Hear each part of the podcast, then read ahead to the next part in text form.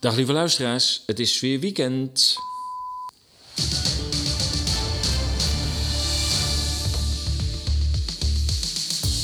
Het is weekend en weer tijd voor Radio Moddergat, de vrije podcastradio van ezas.nl.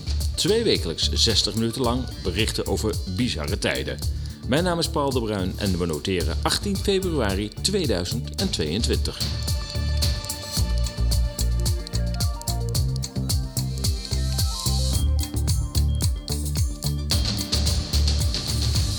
In deze uitzending Canadese artsen verklaren steun aan truckers. Trudeau grijpt in in de bankrekeningen. Overspeelt Trudeau hiermee zijn hand? Apeldoorn en de witte kastjes. De Duitse regering wil nog steeds een algehele prikplicht. Macron laat 36 websites uit de lucht halen. Bezos COVID-jacht kost 500 miljoen. Modderpraat over nooit vergeten. En hoe nu verder met Zander Compagnier? Vaccinatieplicht 135 jaar geleden bij de pokken. Hoe ging dat toen? Ja, hoe ging dat toen?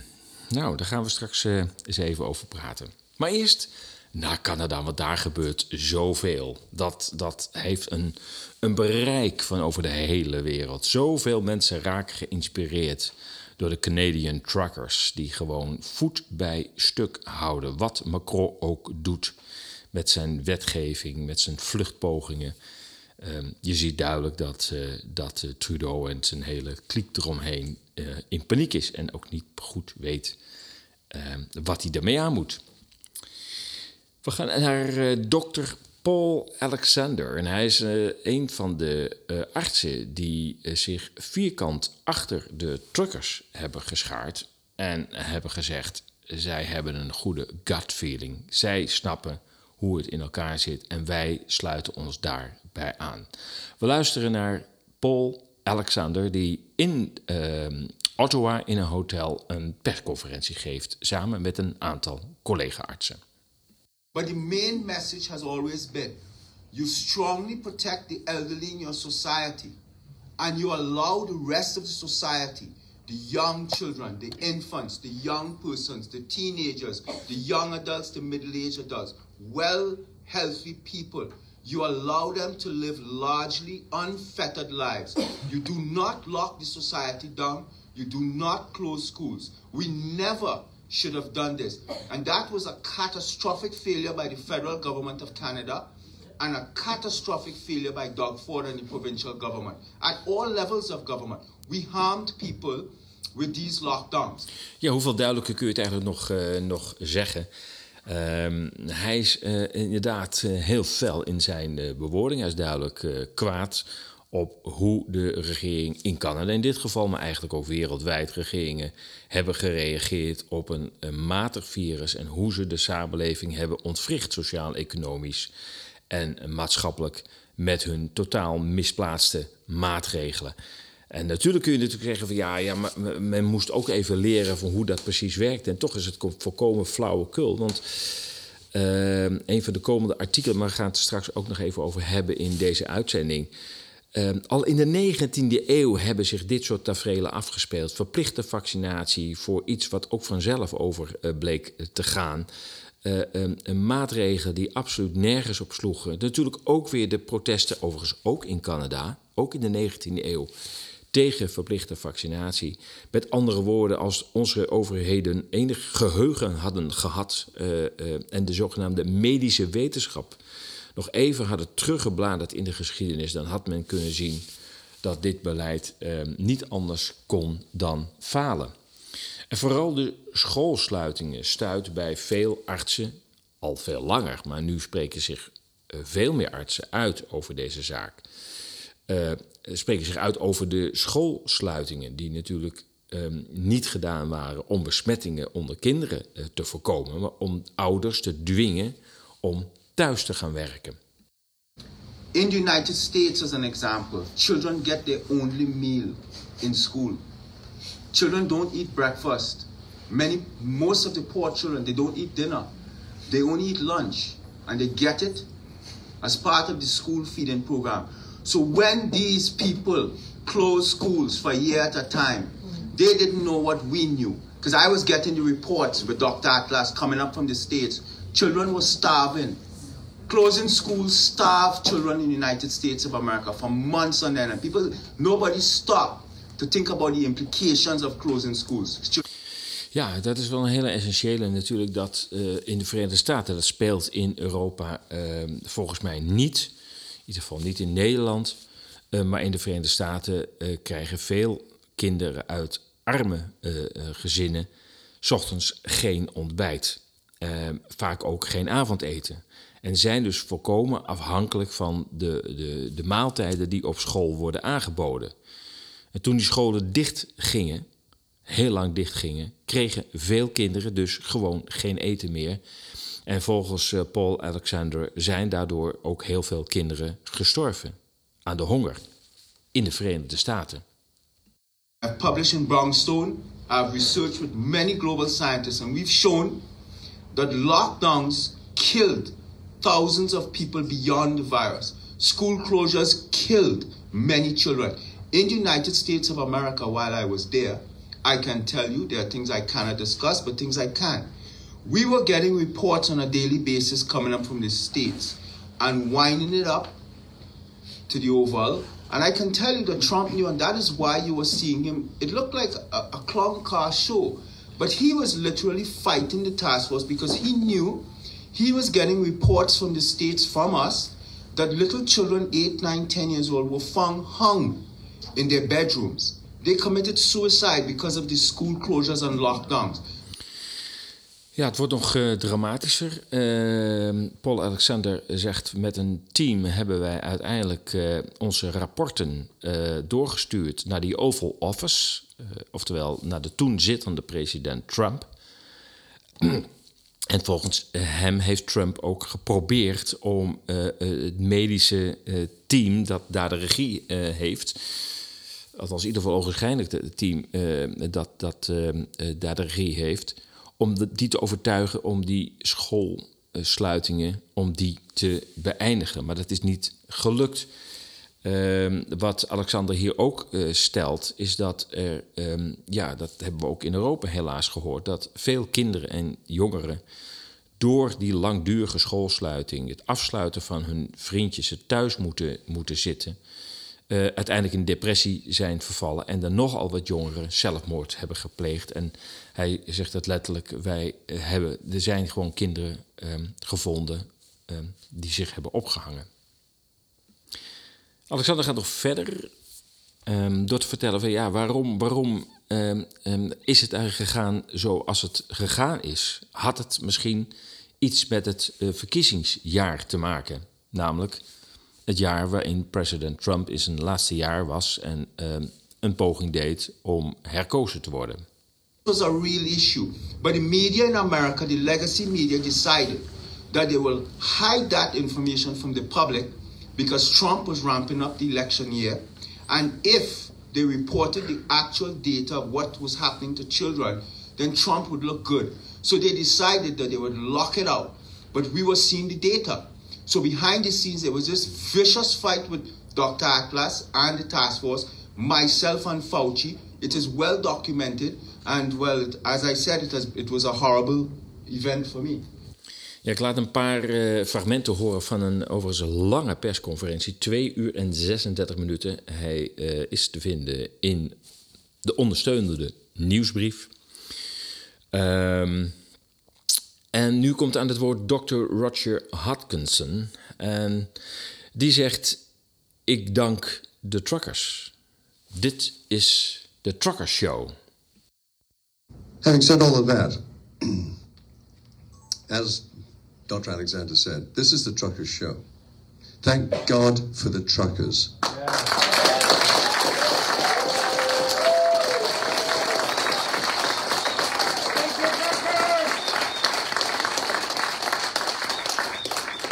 We are merely the supporting cast for the truckers to give them and you comfort that your gut feelings, your common sense is absolutely right on the mark. That's why we're here. Dr. Hodkinson, ja, we zijn maar uh, achtergrondspelers bij jullie actie, uh, zegt hij. En we zijn hier om jullie aan te geven dat jullie gevoel juist is. Dat jullie het bij het rechte eind hebben. En daarom zijn wij hier. Ja, kippenvel als je dat, uh, dat hoort. Uh, het, het, het, zijn ook uh, bijzondere tijden. Als je ziet de coalities ehm, tussen, tussen beroepsgroepen die... Nou ja, laten we even eerlijk zijn. In de normale tijd, zeg maar de periode voor maart 2020 die connecties waren toen helemaal niet vanzelfsprekend. Dat artsen zich uit gingen spreken voor truckers. Uh, maar, maar ook zie je dat in, in, in eh, de verhoudingen tussen bijvoorbeeld de boeren en de stedelingen gebeuren. Je ziet dat stedelingen zich realiseren van... oh ja, het voedsel komt inderdaad van de boeren af. En je ziet ook daar connecties uh, groeien. Uh, artsen die, die met, met, met actievoerders contact opnemen en hen steunen. Het, het doorbreekt alle lagen. Het, het, eigenlijk is er maar één onderscheid. Of je gelooft in het verhaal of niet. En eigenlijk maakt het niet uit tot welke beroepsgroep je hoort. Ondertussen uh, zoekt Trudeau een uh, way out. Want hij heeft zich duidelijk in de nesten gewerkt. Hij heeft te grove taal gebruikt. Hij heeft mensen ongelooflijk uitgedaagd. Hij heeft ze gesart. Hij ze voor nazi's uitgemaakt. Uh, uh, uh, voor, voor, nou, nou, nazi's volgens mij nog net niet, maar wel voor de racisten. Um, en, en daardoor zijn mensen natuurlijk ongelooflijk over de kook geraakt. Mensen die gewoon voor hun vrijheidsrechten opkomen. Zaken die gewoon in de universele verklaring van de rechten van de mens zijn vastgelegd. En die nu met voeten worden getraind. Niet alleen in Canada natuurlijk. Ja, Trudeau is uh, uh, toen de truckers onderweg waren naar Ottawa, de hoofdstad van Canada, is, uh, is gevlucht. er werd gezegd dat hij COVID had. Dat is toch wel bijzonder, want ik geloof dat hij twee keer geprikt is en de booster heeft gehad. En toch zou hij COVID hebben gehad. Nou ja, of het een klopt niet, of het ander niet, klopt niet. Maar hij is in ieder geval de stad uitgebracht en in veiligheid gebracht. Omdat hij ook wel zag dat, dat hij te ver was gegaan. Neemt niet weg dat hij het toch nog presteert om nog een stapje verder te gaan en uh, de noodwet in te roepen. En dat is wat anders dan de noodwet hier. Um, dat is een soort martial law waarin de, eh, de, de, regering eigenlijk onbeperkte bevoegdheden krijgt. En een van die bevoegdheden, of twee van die bevoegdheden, is dat uh, op uh, instigatie van de regering er gewoon willekeurig bankrekeningen kunnen worden afgesloten. niet alleen van de truckers, maar ook van iedereen die meer dan 25 Canadian dollars overmaakt naar de truckers. Ook daar van die mensen kan de bankrekening worden afgesloten. Daar hoeft geen rechter meer bij aan de pas te komen. Dat staat ook in de wet. Dus je, je kunt naar de rechter gaan uh, tot je nons weegt. Maar die rechtspraak wordt ook buiten werking gesteld. We hebben het over een democratie, Canada. Daarnaast uh, staat in de wet ook dat de verzekeringen uh, van de vrachtauto's ook die kunnen worden stopgezet. Zover gaat inmiddels Trudeau in zijn paniek om nog zijn doel en zijn agenda overeind te houden. The federal government has invoked the Emergencies Act to supplement provincial and territorial capacity to address the blockades and occupations. The Emergencies Act will be used to strengthen and support law enforcement agencies at all levels across the country. This is about keeping Canadians safe, protecting people's jobs, and restoring confidence in our institutions.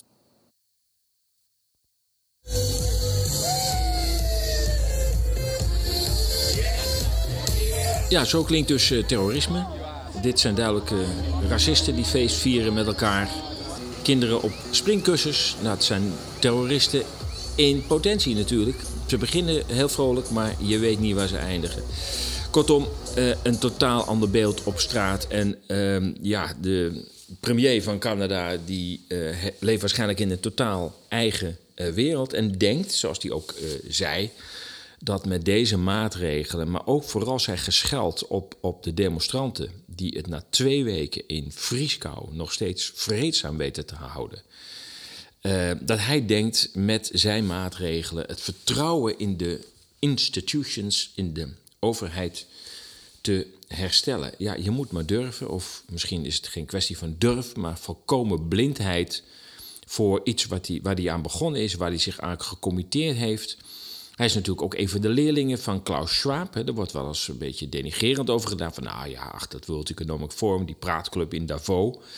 Ehm, dat, dat hebben de media natuurlijk vooral verspreid. Uh, uh, het is helemaal geen. Ja, ze praten wel heel veel, maar uh, het, het zijn niet zomaar praters. Het zijn de duizend belangrijkste corporates in de wereld die daar regelmatig bij elkaar komen. Samen met royals, de bankiers, de media, farmacie, ehm, de medische wetenschap. Kortom, ja, er wordt gepraat, maar het is niet zomaar een praatclubje. En Trudeau is een van eh, de young global leaders. Die is helemaal uh, ingepakt in uh, de agenda van die duizend grootste corporates. En hij probeert nu zijn vege lijf te redden. En um, te voorkomen dat hij straks met de staart tussen de benen moet vertrekken. Als je de video bekijkt in de, in de nieuwsbrief, dan zie je dat op de achtergrond iemand, natuurlijk met een mondkap op, uh, behoorlijk staat te knikken en eigenlijk te souffleren uh, naar, uh, naar Trudeau. hij heeft zijn tekst gewoon voor zich en leest dat ook gewoon voor. En je ziet dat hij aangestuurd wordt. Het zijn ook niet zijn woorden. Hij is de spokesman van het regime, zo zou je het kunnen zeggen. En op de achtergrond staat Cynthia Freeland. En Cynthia Freeland is vicepremier van, de, van Canada en werkte onder andere voor grote media als de Financial Times, de Washington Post en is ook lid van de Board of Trustees van het World Economic Forum. hey, dat heeft Klaus Schwab ook wel toegegeven. Die heeft gezegd: Ik was recentelijk, dat zei hij in 2017. Ik was recentelijk bij het kabinet van de, uh, Canada. En de helft is door mijn handen gegaan en heeft mijn Young Global Leaders programma doorlopen. Uh, hier hoor je haar. As of today, a bank or other financial service provider will be able to immediately freeze or suspend an account without a court order. In doing so, they will be protected against civil liability for actions taken in good faith. Federal government institutions will have a new broad authority to share relevant information with banks and other financial service providers to ensure that we can all work together to put a stop to the funding of these illegal blockades. Ja, overigens heeft zij ook nog 25 jaar voor George Soros gewerkt. Nou, dan heeft ze precies het uh, juiste curriculum vitae om uh, op dit moment uh, de Davos-agenda uit te rollen. Ze heeft de juiste connecties en de juiste achtergronden. En zij zegt hier, ja, we gaan samenwerken met banken en verzekeraars. Ehm, en um, als banken en verzekeraars dus uh, verzekeringen uh, stopzetten van de vrachtwagens uh, die meedoen aan de protesten. Dan wel de bankrekeningen sluiten van de vrachtwagenchauffeurs. Dan wel van degene die ehm, geld doneert aan de vrachtwagenchauffeurs. Ehm, ja, dan, dan, dan zullen wij die banken en die verzekeraars vrijwaren van juridische implicaties. Met andere woorden, als dan de truckers of wie dan ook naar de rechter stappen om hun gelijk te halen en een rechter zou uh, eventueel een schadeclaim toekennen, dan zegt de Canadese overheid, deze mevrouw Freeland, deze, deze leerling van, van, van Schwab, zegt dan van uh, geef niks, uh, wij nemen dan wel de burden, wij nemen dan dat risico over en je bent gedekt, beste bank, beste verzekeraar door de Canadese overheid. Ja, en ondertussen uh, gaan de Amerikaanse en uh, de Canadese mainstream media nog gewoon door om het riool uh, te openen. Als het gaat om de Canadese truckers en al hun supporters. nou ja, hier hoor je in een rijtje veiligheid achter elkaar. Sedition, insurrection, a threat to democracy. This city is under siege. They are now calling it an occupation. Alarming situation there in Ottawa. The police chief is calling it a nationwide insurrection driven by madness. This is kind of our insurrection by air horn moment. It's, I think it's part of the globalization of Trumpism. Canadians know where I stand. There hasn't been as much violence as some had perhaps projected, but that does not necessarily mean that it has been peaceful. Kortom, kortom zij moet ook toegeven, ja, nee, inderdaad, er zijn er eigenlijk helemaal geen, incidenten. Uh, maar dat wil niet zeggen dat het ook vreedzaam is. Met andere woorden, er wordt gedraaid met, met woorden. Uh, ook wordt op een gegeven moment uh, Trump nog even genoemd, dat kun je er altijd bij halen. Iemand zei van dit is een globalisering van Trumpism. Oftewel, van, de, alsof Trump nu nog president is. Ehm, leeft hij blijkelijk nog voort in deze acties van de Canadese truckers. Toch zie je ook in Canadese uh, mainstream media wel um, eerste kleine scheurtjes op het, uh, op het front van de steun aan uh, de maatregelen van, van de Canadese overheid. The Star schrijft: Invoking the Emergencies Act is a shocking admission of failure. Oftewel, het uitroepen van de noodtoestand is een, een schokkende erkenning van, van je falen. En de Toronto Sun schrijft in een editorial, dus uh, van de redactie: Trudeau has gone too far. Trudeau is te ver gegaan. Toch zijn de twee artikelen, als je ze gaat lezen, wel uh, uh, verschillend. Dus het is essentieel om de kop even op een juiste manier te interpreteren. Want als het gaat om de Star, die schrijven. Velen zullen het besluit van de regering Trudeau toejuichen om de noodwet in te roepen om de grensblokkades en de bezetting van Ottawa aan te pakken. Ik heb begrepen dat de grensblokkades inmiddels zijn opgegeven. Ze hebben genoeg van de protesten en dat is heel begrijpelijk. Maar wij doen niet mee aan het gejuich, gejuich zegt de Star. Ehm, de federale noodbevoegdheden zijn nu misschien als laatste redmiddel nodig. Maar die weg inslaan is een schokkende erkenning van het falen van de regering op alle niveaus. Dit was en blijft een politieaangelegenheid. Vanaf het begin, zelfs voordat het konvooi van truckers Ottawa binnenrolde, waren er wetten van kracht om dit aan te pakken. De situatie had al opgelost kunnen worden en moeten worden uh, door goede inlichtingen, slimme planning en effectieve coördinatie tussen politiediensten. Kortom, de kop denkt, als, je de kop leest, denk je van: uh, oké, uh, het is kritiek op Trudeau. Ja, dat klopt.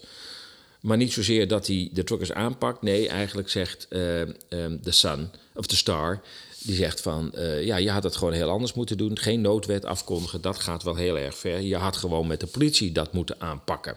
De Toronto Sun schrijft uh, weer een heel ander uh, verhaal onder de kop. Die zegt, ik citeer...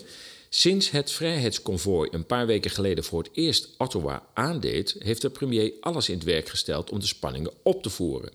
De liberale regering leek te hopen op een soort 6 januari-achtige gebeurtenis. De, de, het binnenwandelen van, de, uh, van demonstranten in het Witte Huis in de Verenigde Staten vorig jaar. Uh, zoals die vorig jaar in de Verenigde Staten plaatsvond. Uit al hun retoriek bleek dat ze erop gebrand waren zo'n gebeurtenis te zien plaatsvinden. Zo schrijft dan de Toronto Sun. Ik ga verder met citaat. Het is er nooit van gekomen. Het konvooi is steeds vreedzaam gebleven. Het enige geweld tot nu toe was van een voertuig dat tegen demonstranten werd geramd, waardoor vier mensen in het ziekenhuis belanden. Maar daar hoor je niet veel over. Trudeau heeft het nooit veroordeeld. In plaats daarvan heeft Trudeau de demonstranten alle mogelijke namen gegeven, hoewel ze in alle opzichten een diverse menigte vormen. Nu geeft hij zichzelf buitengewone bevoegdheden om deze protesten aan te pakken.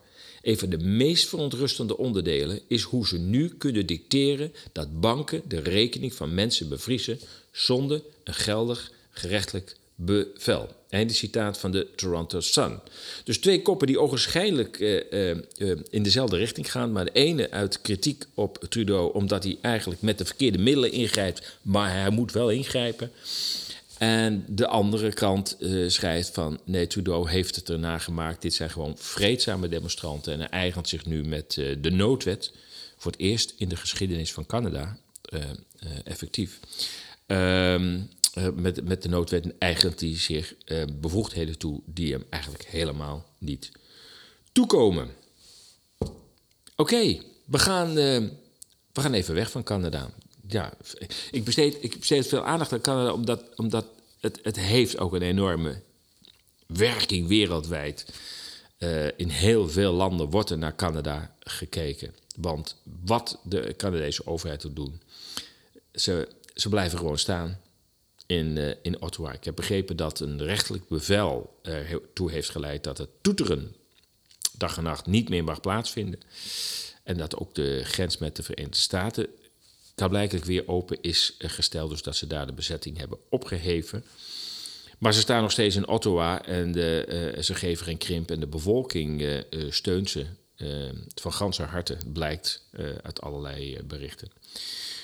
Dus we blijven naar Canada kijken. En misschien worden de Canadezen wederom onze bevrijders. Zo, kan zo zou je het kunnen zeggen. Oké, Apeldoorn. Daar gaan we het even over hebben. Want Apeldoorn en zijn witte kastjes blijven de gemoederen bezig houden. Want het is toch wel apart wat daar gebeurt. Um, ESAS heeft een WOP-verzoek ingediend om dat contract tussen de aanbieder van het systeem, Radio LED in Oostenrijk, streep Liechtenstein, uh, en de gemeente Apeldoorn om dat contract boven water te krijgen. Nou, ons eerste verzoek werd afgewezen. Er werd gezegd, uh, het is een geheim contract. En toen dacht ik, dat is best wel vreemd. Een gemeente die een geheim contract sluit. Nou, inmiddels weten we um, hoe de Rijksoverheid daarmee uh, omgaat. Met geheimen en, en, dat soort zaken. De WOP-verzoeken, nou ja, dat is een heel ander verhaal. Maar je ziet dat de overheid gewoon op dat punt vaak onbetrouwbaar is. Dat kun je op zich niet zeggen van de gemeente Apeldoorn. Die heeft gewoon voorzichtig gehandeld, denk ik. En gedacht van, oh wat gebeurt er nou als ze dat contract weer uh, blootgeven, uitgeven, publiceren? Nou, uiteindelijk heb ik het wel gekregen.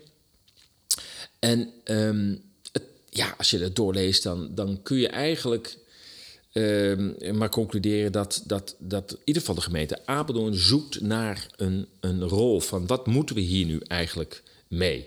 In feite praten we over uh, drie systemen uh, als het gaat om uh, openbare communicatie. Dat zijn kabels in de grond. Hè. We hebben glasvezel natuurlijk. Vooral tijdens het eerste COVID-jaar zijn er heel wat kilometers oranje kabel in veel Nederlandse bodem, uh, veel Nederlandse gemeenten in de bodem verdwenen.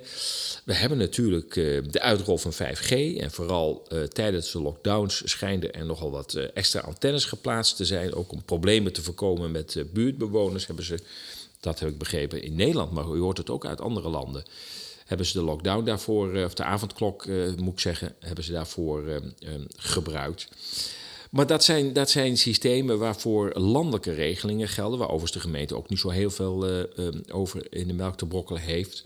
Maar dit is een raar tussensysteem. Want ja, het is geen kabel in de grond, maar het is ook geen, geen, geen 4 of 5G-installatie. Het, het, het, is een installatie, als ik het goed heb begrepen, de, de, de, de radiolet blijft daar toch een beetje vaag over, maar Um, het, het, zijn eigenlijk, er worden drie hoofdzenders geplaatst in Apeldoorn en die stralen dus die honderden kastjes aan. En die kastjes die verspreiden dat dan weer uh, in de buurt, tot in de woningen uiteraard. Um, en dat is natuurlijk een heel ander type uh, systeem, waarbij um, de regelingen gewoon veel vager zijn. Wat, ja, de gemeente moet dat toelaten. Het is zo dat uh, dit soort voorzieningen, als je die plaatst onder de 5 meter, dat de gemeente daar gewoon sowieso toestemming aan uh, moet verlenen. Dat is een soort rijksregeling. Uh, maar ja, dat geeft wel aan dat, dat, dat er een rare situatie kan ontstaan. Dat, dat iedereen maar kastjes op de lantaarnpalen plakt. Zo van, nou, ik heb een geel kastje, ik heb een groen kastje, ik heb een wit kastje. En um, ja, dat de gemeente eigenlijk bijna niks te zeggen heeft over de inhoud van die kastjes. Wat ga je er nou mee doen? En dan kom je bij gemeentes en, en, en daar moeten ze daar een oordeel over vellen. Maar er zijn maar heel weinig mensen die daar verstand van hebben. Ik heb zelfs ook de VNG benaderd, de Vereniging van Nederlandse Gemeenten. En gevraagd van, de, ja, nou oké, als, als de gemeentes dan de kennis niet in huis hebben... Dan, dan zullen jullie dat landelijk dan wel hebben. En dan kreeg ik een heel kort mailtje terug. Nee, dat hebben wij ook niet. We hebben ook geen kennis van deze systemen. Dus we kunnen u niet verder helpen. dan denk ik, nou, dan is het toch wel... Uh, heel bijzonder dat er de systemen worden uitgerold in dorpen en steden. Uh, waar uh, de gemeente uh, weinig over te zeggen heeft, ook eigenlijk niks van snapt. En de bevolking die zit met een hoop vragen van ja, maar wat gaat dat nou eigenlijk betekenen? Nou, die, die, die overeenkomst, die beschikbaarheidsstellingsovereenkomst, dus het zegt het al, de gemeente zegt in die overeenkomst, je mag onze lantaarnpalen gebruiken voor die witte kastjes. Uh, nou, dat, dat wordt dan in 20 pagina's wordt dat geregeld. Daar, uh, daar worden ook zaken als privacy en veiligheid wel genoemd, maar niet verder geregeld. Er wordt gewoon gewezen, verwezen naar de landelijke regelingen. En ja, wat, wat heel erg opvalt aan, aan, aan de installaties is dat het, dat, dat het kastjes zijn. Dat zijn kabellasdozen. Ja, misschien zegt, zeg je dat niet, maar uh, dat zijn dozen waarin je kunststofkabels, VMVK-kabels voor de techneuten onder ons, uh, bij elkaar brengt en daar uh, verbindingen aanlegt. En dat soort kastjes worden gebruikt en worden dan met zo'n tie rip aan de lantaarnpalen bevestigd het ziet er niet heel erg professioneel uit. Terwijl de firma zelf roept: het is state of the art. Ik denk, nou, dat, de kastjes in ieder geval aan de buitenkant niet, maar misschien datgene wat er aan de binnenkant uh, zit. Um, ook de andere kant besteedt aandacht aan uh, deze zaak. Uh, en daarin zegt Gregory Engelbert, die ook met uh, mij contact heeft opgenomen, ehm, dat hij de belangen vertegenwoordigt in Nederland. Ehm, en dat de gemeente Apeldoorn en Radiolet elkaar op een congres zouden hebben ontmoet. Een soort toeval, kablijkelijk. Um, ja, wat ik, wat ik zei, Engelbert heeft uh, ook mij gebeld en uh, uh, gezegd: Nou, uh, ik, ik zal een e-mail sturen met nadere informatie. Maar dat, was, dat heeft hij volgens mij vorige week zaterdag heeft hij dat toegezegd en ik heb nog niks ontvangen. En dat is een klacht die je vaker over Radiolet hoort. Ze zeggen wel van alles toe. Er zou ook een website komen met een vraag- en antwoord um, overzicht uh, om alle uh, onrust weg te nemen. Nou, die website is er naar mij weten ook nog steeds niet. Dus ja, ik moet zeggen, um, toch wel een beetje vreemd uh, dat men zo onzorgvuldig omgaat met, met de communicatie. nou is het het standpunt van um, Radiolet van ja, weet je, de bewoners zijn niet onze klanten. Dus ja, daarom communiceren we ook niet met ze.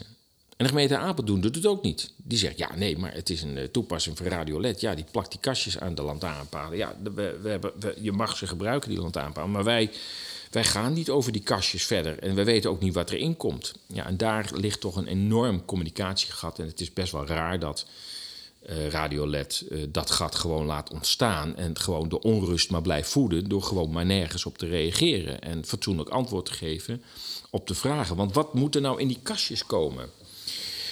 Um, ja, als je dan de uitspraken uh, uh, hoort. Um, um, ik dacht dat hij het Omroep Gelderland had verteld, maar dat weet ik niet zeker.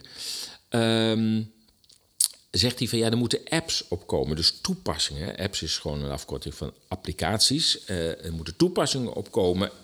Dus wij gaan in contact met bedrijven, die gaan ons netwerk gebruiken en daar halen we het geld vandaan. Hij noemt dan bijvoorbeeld ook Apple. En dat is, dat is best wel raar om dat te noemen, want ik zou niet weten wat Apple te doen heeft met Radio LED. Ik bedoel, Apple gaat toch niet uh, wereldwijd, want laten we eerlijk zijn, het zit natuurlijk in elke uithoek van de wereld, Apple. Dat hij met al die netwerken wereldwijd allemaal contractjes gaat sluiten. En bovendien waarom? Apple levert hardware, Apple levert software. En die kun je gewoon via internet benaderen. En dat kan via je kabel, dat kan via 5, 4 of 5G. Um, dus ja, Apple denkt, ja, wat heb ik met jouw netwerk te maken? Uh, het, het, je biedt gewoon internet aan. En als dat aanstaat, ja, dan kunnen mensen ons gewoon benaderen en onze apps gebruiken. Dus waarom zouden we daarvoor betalen? Dus ik, ik snap werkelijk het hele verdienmodel uh, niet. Het, het blijft een beetje spooky. En natuurlijk, als het gaat om privacy, is het best wel raar dat zowel de gemeentes de handen in de lucht steekt. Het VNG weet niet waar het over gaat. Uh, ik heb ook uh, de privacy-waakhond, de autoriteit persoonsgegevens, benaderd. Die, zeiden ook: ja, uh, daar gaan wij niet over. De, de, daar hebben we geen mening over, over deze situatie. En ja, de bewoners die, die hebben zoiets. Ja, maar naar wie moeten we dan toe? Radiolet zegt met informatie komen, komt niet met informatie. Het geeft aan uh, hoe slecht deze hele situatie geregeld is. Maar ook treurig dat de gemeente Apeldoorn toch niet zegt van oké, het kan allemaal wel zo zijn. Maar we nemen toch onze verantwoordelijkheid. We zijn tenslotte dienstbaar aan de inwoners van onze gemeente. En uh, als, uh, we gaan uh, langzamerhand deze organisaties dwingen om met informatie te komen. Want ehm, we zijn het langzamerhand wel zat, al die onduidelijkheid. Want ja, ehm, welke apps komen er dan in? En, en hoe gaan mensen dan bereid worden om van die apps gebruik te maken? Want Radiolet zegt wel, het zijn onze klanten niet, die, die inwoners. Nou, een beetje domme uitspraak vind ik zelf. Want ja, het zijn toch die bewoners die uiteindelijk die apps moeten gaan gebruiken, die op dat systeem gaan draaien, welke apps dat ook mogen zijn. En als die mensen niet weten dat die apps op het systeem draaien, dan, dan wordt er dus geen stuiver verdiend. Het blijft allemaal ongelooflijk vaag. En dat wordt dus, wat mij betreft, de tijd. En ook denk ik dat heel veel bewoners zover zijn dat ze zeggen: ja, uh, gemeente, neem eens een keer je verantwoordelijkheid. En, en, en zet eens de pin op de neus van dat uh, bedrijf. En zorg dat ze nu heel snel met informatie uh, komen, anders leggen we het werk stil. Want ja, dit, dit blijft maar doormodderen. Ondertussen uh, plakken er steeds meer witte kastjes aan lantaarnpalen in Apeldoorn. En iedereen tast nog in het duister van wat daar precies in moet komen. Zover Apeldoorn. We gaan even naar Duitsland. Want ja, blijft belangrijk Europees land. En is van belang om te weten wat daar precies gebeurt. En we laten we even de naam van Karl Lauterbach vallen. Dat is uh, de paniekzaaier van Duitsland. Daar is hij echt in gespecialiseerd. Toen hij nog geen minister was van Gezondheidszorg, uh, deed hij dat al met verven. En blijkbaar is hij daarvoor beloond en mag je dat nu als minister doen. En hij voorspelt een, een enorme Omicron-golf in de komende herfst. Dan denk ik ook, in de meeste landen wordt al gezegd dat, dat ook dat voorbij is. En als het nog is, dan is het wel een te verwaarlozen uh, virus. Uh, als de oorspronkelijke COVID al niet eigenlijk voor een deel te verwaarlozen was. In ieder geval geen pandemie uh, was. Gaat hij nog proberen om die Omicron-golf nieuw leven in te blazen en aan te kondigen dat het in de herfst dat er een nieuwe golf gaat komen en dat dat toch echt de reden is dat iedereen in Duitsland verplicht gevaccineerd moet gaan worden. Ansonsten also, bin ich also bemüht und auch sehr ehrgeizig darin, dass wir gut durch diese also Omikron-Welle kommen. Ich glaube, dass das im Großen und Ganzen aus dem Grund ich im ersten Statement also nochmal vorgetragen hat, dass wir im Großen und Ganzen auch dem richtigen Weg sind. Und es wird mir halt viel ausmachen, wenn wir einen schweren Rückfall im Herbst verhindern könnten. Ja. Um, uh, als je naar deze man uh, kijkt dan, uh, en ook hoort, dan is het. ja, ik, ik, ik, weet het niet. Ik zie het niet hij ziet er niet echt uit als een minister, als een autoriteit. Hij kijkt op zijn papiertje. Soms um, um, delibereert hij zijn teksten met zijn ogen dicht. Alsof hij zich helemaal concentreert op, op, op, die paar zinnen die hij dan, dan uitspreekt. Het is onvoorstelbaar dat deze man in de positie is geplaatst waarin hij is geplaatst. Dr. Karl Lauterbach schijnt ook wetenschapper te zijn. Maar ja, daar hebben we inmiddels ervaringen mee. Wetenschap kan gekocht worden. Wetenschap kan ook dwalen. En um, de afgelopen twee jaar hebben we wel aangetoond dat dat, uh, dat het massaal gebeurt zelfs. Uh, inmiddels uh, haken steeds meer Duitsers af van het gevoerde beleid. De website van vrije journalist Boris Reitschuster, 16 jaar correspondent geweest in Moskou voor het blad Focus, uh, laat een aantal opvallende trends zien in, in Duitsland. Dat is wel even goed om te weten. Want nog maar 41% in Duitsland steunt het gevoerde beleid. En dat voor Duitsland. Hè. In Nederland is het veel lager. Maar in Duitsland volgt men wat langer uh, de, de overheid en de autoriteiten. Maar dat begint in Duitsland nu ook behoorlijk af te nemen. Om niet te zeggen, het is gewoon de minderheid die dat nog steunt. Uh, het valt ook op dat mensen met een migratieachtergrond zijn negatiever over het coronabeleid dan uh, mensen met een autochtone achtergrond. Dus die in Duitsland geboren zijn en geen autochtone of geen uh, uh, migratieachtergrond hebben. Overigens, dat is iets wat je ook in, uh, in Nederland ziet. Hoe ouder, hoe meer vertrouwen in het beleid. Dus ja, dat is ook heel goed zichtbaar. Er zit een rare hiccup in de groep 18 tot 29. Uh, in de statistieken in Duitsland, die schijnen toch iets meer positiever weer te zijn dan de groep die daarboven komt. Dus dat, er zit iets met, ja, dat zijn net geen millennials, maar de jongeren zijn toch weer iets meer pro-overheid uh, dan, dan de groep daar, daarboven. Dan heb je natuurlijk nog het oude verschil tussen West- en Oost-Duitsland. Ehm, ehm, dat de Westies en de Ossies. Officieel bestaat dat natuurlijk niet meer. Maar er is echt nog wel een verschil. Er is nog een geschiedenis en die tikt behoorlijk door ook in um, hoe men over deze maatregelen en de rol van de overheid uh, daarin, hoe men daarover denkt. En de West-Duitsers, dus ja, de mensen die uh, in het westen van Duitsland, het voormalige West-Duitsland wonen, zijn uh, aanzienlijk, aanzienlijk minder negatief dan de Oost-Duitsers. En dat is natuurlijk wel verklaarbaar, want de Oost-Duitsers hebben natuurlijk een geschiedenis met een DDR-overheid die totalitair was, die erop los liegde. Op, op los loog, heet dat. Uh, ik, ik, kan me nog uh, video's herinneren van, van actuele camera. En dat was het, zeg maar, het NOS-journaal van de DDR. En daar werd nog vrolijk, ik geloof in 19 88 nog. Uh, 3% groei van de industriële productie werd daar verkondigd. Maar je zag dat de DDR gewoon in elkaar aan het zakken was. Dat de economie in elkaar was ge gezakt. De huizen niet meer werden onderhouden. Maar vervolgens was het nog mooi weer op, op de actuele camera op de Oost-Duitse televisie. En de Oost-Duitsers weten dat dus. En zijn dus veel argwanender naar de overheid. Nou, zou je niet verbazen dat politiek links uh, positiever is dan stemmers in het midden. En de stemmers in het midden zijn weer positiever dan de stemmers op rechts. En vooral de stemmers op de SPD en de Groenen, zeg maar de Partij van de Arbeid en GroenLinks, als je dat een beetje kunt vertalen, zijn overwegend zeer positief. De AFD-stemmers daarentegen enigszins vergelijkbaar. Het is altijd heel uh, tricky om dat te vergelijken, maar misschien met Forum te vergelijken. De AFD-stemmers zijn uitgesproken negatief. Multi-billionaire Amazon founder and space explorer Jeff Bezos is reportedly building a mega yacht in the Netherlands that is set to become the largest sailing yacht in the world. But there's a snag. It's so mega that it won't fit under a beloved and historic bridge in Rotterdam. So the city proposed to dismantle the bridge just for Bezos. As you can imagine, locals are furious about it, so we're going to take a look by the numbers. More than $500 million, half a billion, that's the reported price tag of Bezos' new toy.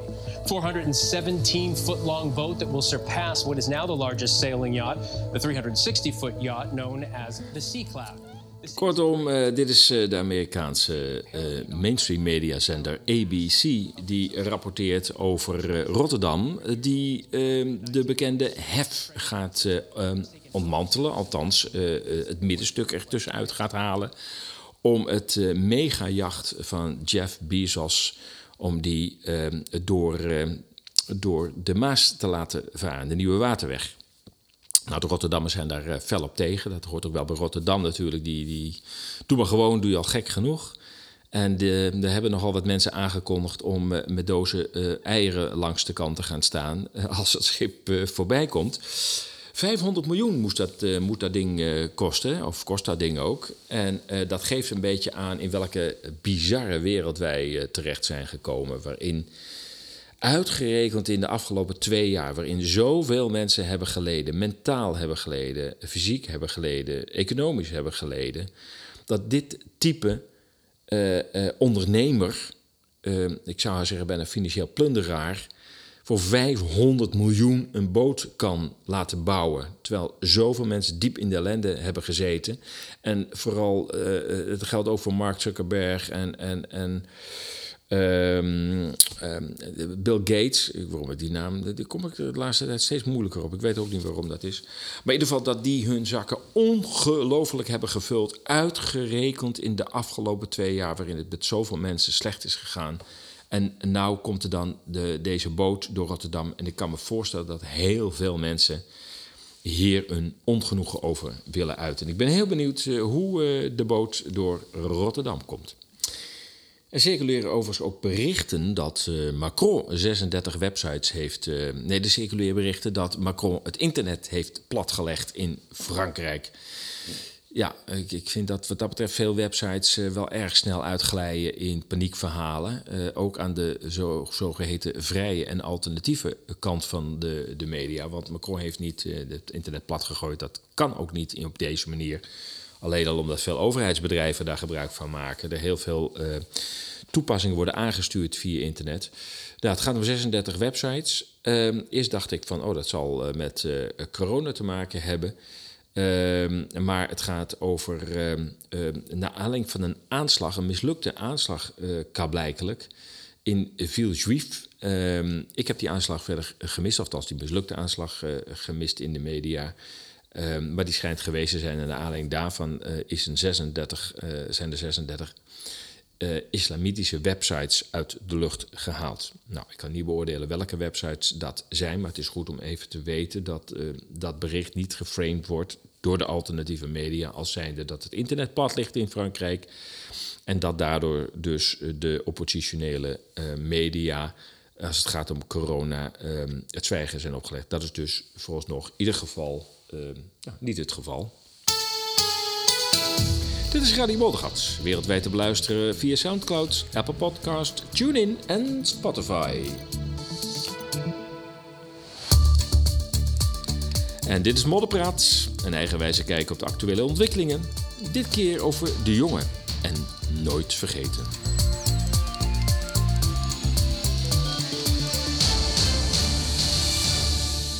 Ja, de jongen. Ja, hij is nu uh, minister van Volkshuisvesting. En het, uh, het, theater dat hij eerst opvoerde bij uh, corona, de ene leugen naar de andere, het, het gaat gewoon door. En hij schijnt ook ineens heel veel verstand te hebben van woningbouw. En het is terecht dat sommige mensen zeggen: ja, dit zijn geen ministers meer, dit zijn gewoon acteurs. Die moeten gewoon hun script doen. dan is het weer dit en dan is het weer dat. ze hoeven helemaal geen kaas gegeten te hebben, ze worden compleet gesouffleerd. Um, uh, hele afdelingen, communicatieafdelingen die influisteren wat ze precies moeten zeggen, hoe ze dat moeten zeggen en tegen wie ze dat moeten zeggen. Um, maar we mogen niet vergeten wat Hugo de Jonge heeft aangericht in de Nederlandse samenleving. Uh, hij mag er wel doorgeschoven zijn naar volkshuisvesting, maar wat die man op zijn geweten heeft is, is, is stuitend. Wat, wat die wat uit zijn mond heeft laten rollen uh, en de samenleving uh, um, tegen elkaar op heeft gezet, mensen tegen elkaar op heeft gezet, haat heeft gezaaid, verdeeldheid heeft gezaaid tussen bevolkingsgroepen. He, dus leugens heeft eh, verspreid, mensen heeft bedrogen, misleid, verketterd en tot paria's van de samenleving heeft willen maken. Ik constateer overigens dat dat maar heel matig is gelukt ik, ik, ik merk dat mensen uh, onderling gewoon het onderwerp mijden en denken: het kan me ook helemaal niet meer schelen of jij nou gevaccineerd bent, één, twee, drie uh, keer. Het, het dondert me helemaal niet of helemaal niet. Uh, we gaan gewoon op een normale manier met elkaar om. En ik ben er wat dat betreft blij dat ehm, die haatzaaierij in Nederland niet echt post heeft gevat. Natuurlijk zijn altijd mensen, vooral op social media, die helemaal los zijn gegaan uh, op uh, de andere groep, noem ik het dan maar.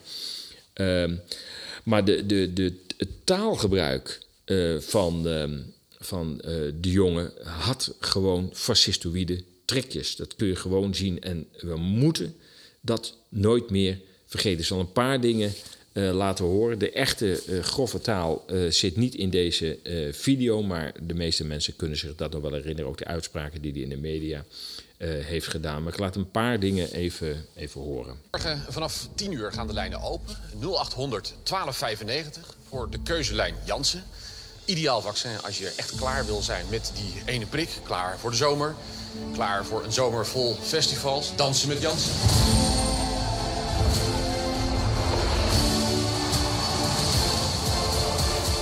Laat even een video horen van uh, Crisiscompilatie... die meestal van dit soort uh, video's produceert. Gegeven het feit dat dit ook een heel aantrekkelijk alternatief werd daarmee voor jongeren om snel toegang te krijgen zonder zich te hoeven laten testen. En dat heeft bijvoorbeeld bij Janssen voor flink wat jongeren gezorgd die de rij stonden voor een prik daar waar ze er anders misschien vanaf hadden gezien. Oh Hans, weer 28 corona, nou dan houdt het nou nooit op Hans! Ja, eindigen de compilatie met uh, Robert Jensen, die uh, onvermoeibaar elke week twee tot drie keer uitzendingen heeft over deze bizarre tijden. We gaan naar de andere krant, een initiatief van de oprichter uh, ervan, Sander Compagner. Die um, van plan is om de komende weken, in ieder geval voor de gemeenteraadsverkiezingen, om een speciale editie uit te brengen onder de naam Hoe nu verder. Um, en wel in een oplage van 6 miljoen. Um, daar moet nog wel geld voor binnenkomen. Er is al een behoorlijke uh, bedrag binnen, maar uh, er moet nog meer gesponsord worden. En de kernvragen in, de, in die editie zijn: hebben we in de toekomst nog wel echte vrijheid? Uh, Nederland staat op een, op een tweesprong. Willen we dat onze kinderen opgroeien in een voorwaardelijke controlemaatschappij, gedicteerd door een wereldregering? Of pakken we onze nationale en lokale democratie en zeggenschap weer terug? Um, kortom, we kunnen ook wel even uh, Sander uh, aan het woord laten over dit initiatief. We zijn bezig met een uh, heel groot project, met een groot collectief ondertussen. En onze doelstelling is om de week voor de verkiezingen 6 miljoen kranten in Nederland te verspreiden. De gemeenteraadsverkiezingen? Ja, een week voor de gemeenteraadsverkiezingen. Nou, we hebben um, gevonden dat uh, de maatregelen die de afgelopen periode overigens uit zijn gestort zijn onwijs verstrekkend. We hadden ons nooit kunnen voorstellen dat we in deze wereld terecht zouden komen. Wat normaal is geworden vaak. Dat hadden we daarvoor nooit kunnen geloven. Maar de wereld, uh, hoe die zich ontwikkelt, dat is nog veel verstrekkender. En daar is helemaal geen debat over. Hè. Er vindt geen debat plaats over de iets langere termijn toekomst van Nederland en de rest van de wereld. Wij hebben als makers niet de waarheid in pacht van hoe die wereld eruit moet zien. Maar wij willen wel dat debat aanzwengelen en dat willen we met heel Nederland doen. Dus het publiek van die krant is niet alleen het publiek van de andere krant. Maar de Hoe Nu Verder krant is duidelijk bedoeld voor heel Nederland. Waarbij we duiding willen geven aan de tijd waar zijn we nu beland hè, op een aantal thema's. We willen aangeven, dit zijn de plannen die voor ons liggen. Dit is de denkrichting die uh, de huidige machtsinstituties hebben. En heel belangrijk, we willen ook de alternatieven die, waar heel weinig ruimte voor is. Het werd net door Buren ook al genoemd hè, bij het We Are Pioneers. Uh, we willen ook de mogelijke alternatieven schetsen. Nou, dat, uh, dat wordt een heel bijzondere kant. Dat is, dat is wel duidelijk. Uh, steun je dit initiatief? Doe dan een donatie. Dat kun je doen op de website hoe nu verder.org. Hoe nu verder.org. En ja, ik zou zeggen, maak het mogelijk dat straks 6 miljoen Nederlanders gaan nadenken. Uh, minimaal 6 miljoen, want 6 miljoen huishoudens zijn het dus in feite. Dus zijn ze veel meer natuurlijk, mensen die waarschijnlijk de krant onder ogen krijgen. Uh, gaan nadenken over de toekomst. Waar moet het nu naartoe? Want uh, het hele coronanarratief verbrokkelt nu wel. Maar er is wel een puinhoop veroorzaakt. En hoe gaan we nu met elkaar en met de samenleving, onze democratie en onze rechten verder? Um, dus nogmaals, de website uh, hoenuverder.org. het was overigens een gesprek in een um, uitzending van Flavio Paschino van Blackbox TV. Ja, dan um, komt er binnenkort een een artikel op de website ezas.nl. En um, ja, dat gaat over wat sommigen noemen het vaccinatiesprookje. En wat daar wat opvalt is dat mensen die gewoon de grafieken in de geschiedenis hebben bekeken, de ontwikkeling van diverse ziekten, en dan het tijdstip waarop een vaccin beschikbaar komt, dat dat altijd in het staartje zit van de ontwikkeling van die ziekte. En dat is ook gebeurd met de eerste lockdown in maart 2020. Die kwam drie dagen nadat de daling al was ingezet. Nou, de meeste mensen hadden dat niet in de gaten, dus de overheid kon later zeggen: Nou, zie je wel dat het aantal gevallen daalt door die lockdown. Maar die was al ingezet. Nou, dat schijnt ook bij de vaccins zo te zijn. Het is denk ik niet zo dat men dat zo plant, maar dat zou best kunnen overigens. Maar het kost natuurlijk ook tijd om vaccins te maken. Dus er ontstaat een ziekte, er ontstaat een piek. Dan komt zeg maar, het onderzoek op gang om een vaccin te produceren. Die komt dan op de markt. En uh, hoe snel je ook bent, hij komt eigenlijk altijd te laat. Het was eigenlijk met dit vaccin natuurlijk ook het COVID-vaccin. Je komt altijd te laat. Uh, en het blijkt dat de meeste ziektes vanzelf uit de samenleving verdwijnen. Natuurlijk maakt het slachtoffers, maar je kunt er met het vaccin toch niet bij. Je haalt het niet in. Dat is eigenlijk wat er, uh, wat er staat. En ik citeer even een Amerikaanse arts, maar nogmaals, binnenkort op de website een veel uitgebreider artikel uh, daarover. De Amerikaanse arts schrijft als volgt: Wat er nu gebeurt met de COVID-mandaten, oftewel de verplichting om je te vaccineren, en de protesten is bijna identiek aan wat er 135 jaar geleden gebeurde met de pokken vaccinatiecampagnes, waarbij de vaccinatie de pokkenepidemieën verergerde. De vaccins veel mensen doden, het publiek ze weigerde en de regeringen reageerden met steeds strengere verplichte vaccinatiewetten. Uiteindelijk brak in 1885 een van de grootste protesten van de eeuw uit. Werden de vaccinatiemandaten in één gebied afgeschaft ter gunste van een alternatieve aanpak van de pokken en dit is wat feitelijk een einde maakte aan de pokkenepidemie. En die protesten vonden plaats dus in 1885. Ja, ja, ja, ja. Zo lang is dat al geleden. In Leicester uh, in, uh, in het Verenigd Koninkrijk.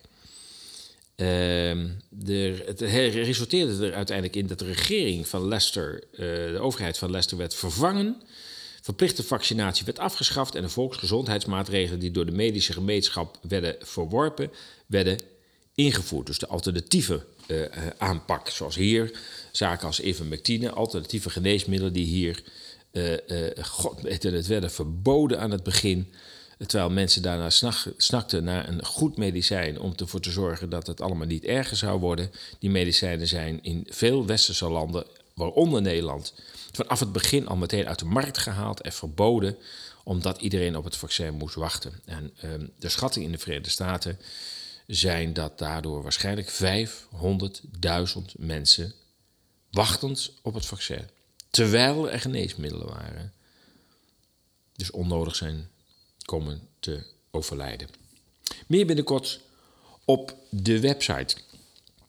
Um, nou, nou, ja, je kunt er eigenlijk nog even één ding over zeggen. Het, het, valt dus op dat uh, uiteindelijk protesten en demonstraties helpen. En wat ook uh, in de blog nog een, in, in, de, in het artikel naar voren zal komen, is dus een overzicht van de historie van ziekten en uh, vaccinaties. En dat in uh, toch te veel gevallen de vaccinatie sowieso al te laat kwamen. En dat de ziekte zijn eigen moment koos om te stoppen. Namelijk dat er een bepaalde immuniteit was bereikt. Waar ook in het begin met, met COVID over werd gesproken. We moeten natuurlijk immuniteit bereiken. En zeker als het gaat om een virus dat niet bovenmatig uh, agressief uh, is. En um, um, uiteindelijk leidde dat ook toe dat de vaccins in, in veel gevallen de zaak alleen maar verergerden. En ook uit Afrika, 2014, Kenia, dezelfde verhalen. De vaccins joegen de ziekte eigenlijk alleen nog maar aan. En er zijn heel veel voorbeelden van. Ben je een antivaxer als je daar kritiek op hebt, als je dit, dit uit? Ik denk het niet. Ik denk dat we heel uh, rationeel om moeten gaan met, uh, met ziekten en met de mogelijke kans op genezing door uh, kunstmatige middelen die zijn er. Uh, er zijn nog eenmaal geneesmiddelen die echt helpen. Maar er zijn er ook een hele hoop wat het gewoon absoluut niet doet. Wat heel veel geld kost. En uh, uh, op, in het meest gunstige geval niet werkt. En in het meest ongunstige geval de zaak alleen nog maar verergt. Ik denk dat het alleen maar goed is dat we daar kritisch op blijven. Goed, het, ja, het, het, is, het is eigenlijk alweer tijd als ik het zo zie. ik wil er nog even op wijzen. ja, deze uitzending maken we gewoon gratis. Geen reclame. Ik zie steeds meer alternatieve media ook reclames doen. Nou, ik kan me dat helemaal voorstellen. Als, als, als de donaties gewoon de kosten niet dekken, dan moet je op een gegeven moment wat. Maar ja, het leest toch niet prettig dat je tussen teksten door allerlei reclames, knipperende banners te zien krijgt. Dat, dat, ja, goed, ik, ik ben er niet zo'n voorstander van, maar ik kan me voorstellen een aantal alternatieve media daar wel toe Daarom wijs ik nog even op de mogelijkheid om een donatie te geven aan ESAS. Dat kan op de donatiepagina van, van esas.nl.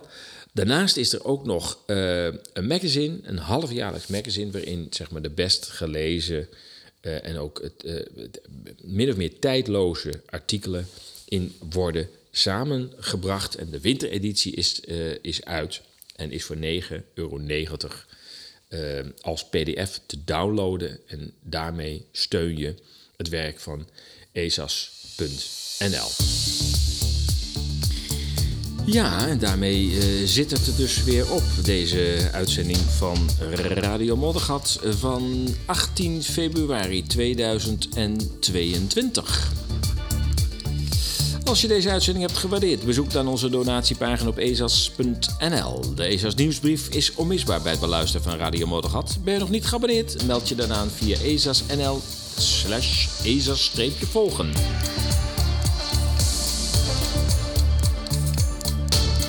Verder kun je ons ook volgen via Telegram. Hier vind je ons onder EZAS.nl. Voor nu wens ik je een heel prettig weekend. Blijf gezond, blijf sterk en tot over twee weken.